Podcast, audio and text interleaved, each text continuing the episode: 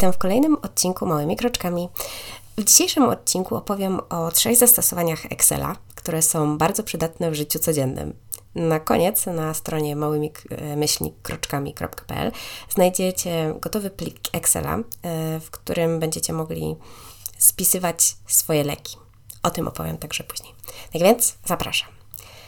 Excel to jest w sumie jedno z podstawowych narzędzi w pracy biurowej i ma ono naprawdę wiele, wiele możliwości do zastosowania, także w życiu codziennym. I trzy sposoby, które dzisiaj pokażę, wykorzystuję zarówno ja, jak i mój mąż. W sumie to on jest głównym pomysłodawcą tych wszystkich sposobów, bo jest moim osobistym mistrzem Excela, ale to, to szczegół. Dobra, zacznijmy. Pierwszy e, przykład to jest szukanie pracy. Jest to bardzo prosta, ale przydatna tabelka, która składa się z następujących kolumn: data, firma, do której aplikujesz, stanowisko, na które aplikujesz, link do oferty i uwagi, gdzie możesz wpisać na przykład, że jest to oferta, którą, na którą chcesz wysłać, ale musisz jeszcze na przykład napisać list motywacyjny, albo że jest to praca na przykład w 100% zdalna, czy też może, że jest w innym mieście. Oprócz tego można stworzyć kolumnę dotyczącą przykład wynagrodzenia, jakie się podało, czy przykład etap rekrutacji, e, na którym się jest obecnie i wpisywać daty, kiedy będą kolejne etapy, jeżeli już mamy e, tego na przykład taką wiadomość.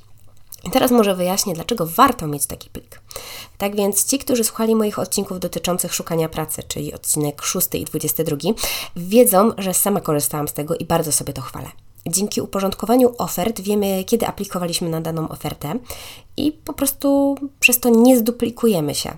Nie będziemy marnować czasu swojego ani rekrutera.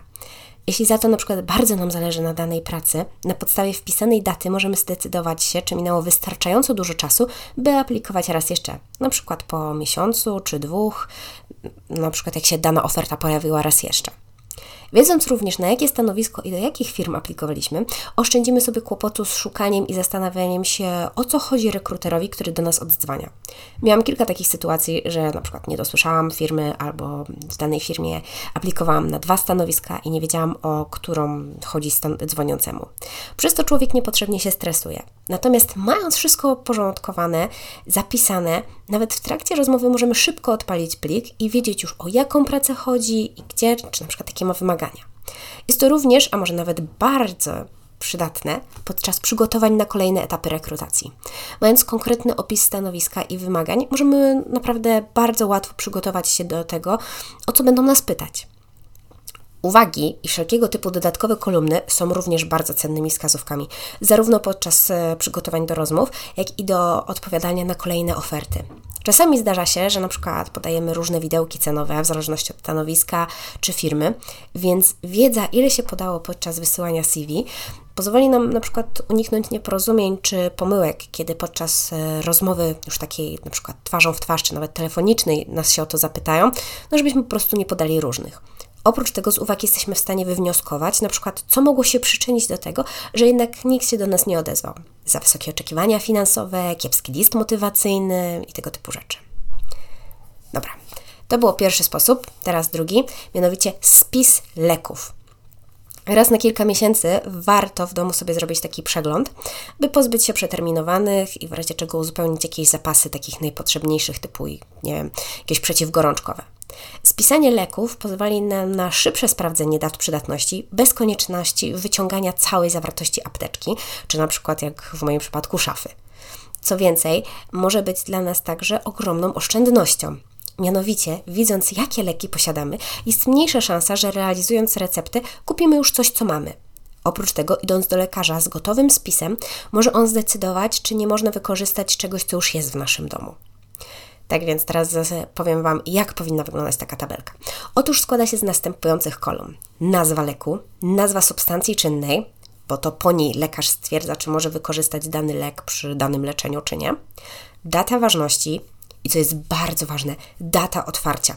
Niektóre leki, mimo długiej daty przydatności, mają napisane, że należy je zużyć w ciągu x czasu od otwarcia. Dlatego warto mieć to na uwadze ilość, na przykład ile tabletek nam zostało. Jeśli na przykład nie da się dokładniej tego wyliczyć, no to można tak zapisać na oko, na przykład pół butelki czy coś tego typu. Dzięki temu lekarz e, też wie, czy dane leku nam starczy na po prostu okres leczenia. No i uwagi. I tutaj na przykład możemy wpisywać, czy nie występowały reakcje alergiczne na dany lek. Jeżeli tak, to jak przebiegała ta alergia, czy na przykład gdzie taki lek powinno się przechowywać, że na przykład on nie jest w standardowym miejscu, tylko jest, nie wiem, w lodówce. Można użyć też odpowiednich funkcji, dzięki którym na miesiąc przed końcem daty ważności będzie nam się podświetlało na żółto i w momencie przeterminowania na czerwono. No i po prostu nam to ułatwi przegląd, bo już takie rzeczy będą nam się rzucać w oczy. I na stronie małymi myślnikkroczkami.pl właśnie taką templatkę do spisów leków, e, którą wykonał mój mąż, będziecie mogli sobie pobrać i wykorzystać. Dobra, no i ostatni pomysł na wykorzystanie w takim życiu codziennym jest budżet. Jest to chyba najbardziej skomplikowana z tych wszystkich rzeczy, a nie chyba na pewno. I oczywiście można zrobić to bardzo prosto, na przykład tylko spisując wydatki w danym miesiącu, a, na przykład, a następnie je podsumowując, by wiedzieć po prostu, czy jesteśmy na plusie czy na minusie. Można jednak zrobić dokładniejszy spis z podziałem na kategorie takie jak chemia, żywność, ubrania, samochód, opłaty stałe itd. Tak Dzięki temu będziemy mieć lepszy pogląd na to, na co najwięcej wydajemy i ewentualnie, jeżeli byłaby taka potrzeba, no to wiemy też, gdzie możemy zredukować te koszty. Kolejnym krokiem jest stworzenie tabelki z aktualnym stanem pieniędzy, na przykład z rozbiciem na poszczególne konta i gotówka. Dzięki temu będziemy mieć w jednym miejscu zapisane, ile łącznie mamy. Idąc dalej, można tworzyć również plany budżetowe, na przykład na miesiąc, kwartał czy rok, a następnie porównywać to z bieżącymi wydatkami. Osobiście planu, proponuję właśnie takie plany kwartalne, gdyż miesięcznym może nam czasami coś wyskoczyć, jakiś niespodziewany wydatek, jak chociażby, nie wiem, wyrwanie ósemki, a z kolei roczne są moim zdaniem takim zbyt odległym planem, żeby to był jedyny taki plan budżetowy. I planowanie roczne ma sens, jeżeli mamy już dane z poprzedniego roku czy lat, by mieć e, też taki właśnie pogląd, jak to może wyglądać. Dobra, tak więc to był krótki, ale mam nadzieję, że treściwy odcinek mm, i że wyciągnęliście z tego coś dla siebie. Przypominam, że na stronie małymyślnikkroczkami.pl jest do pobrania templatka, mm, którą możecie wykorzystywać do spisu leku. I jeżeli macie jakieś pomysły, jak jeszcze można wykorzystywać Excela w życiu codziennym, to chętnie się od Was dowiem i piszcie w komentarzu na stronie, czy też na moim Instagramie. I cóż, do usłyszenia. Cześć!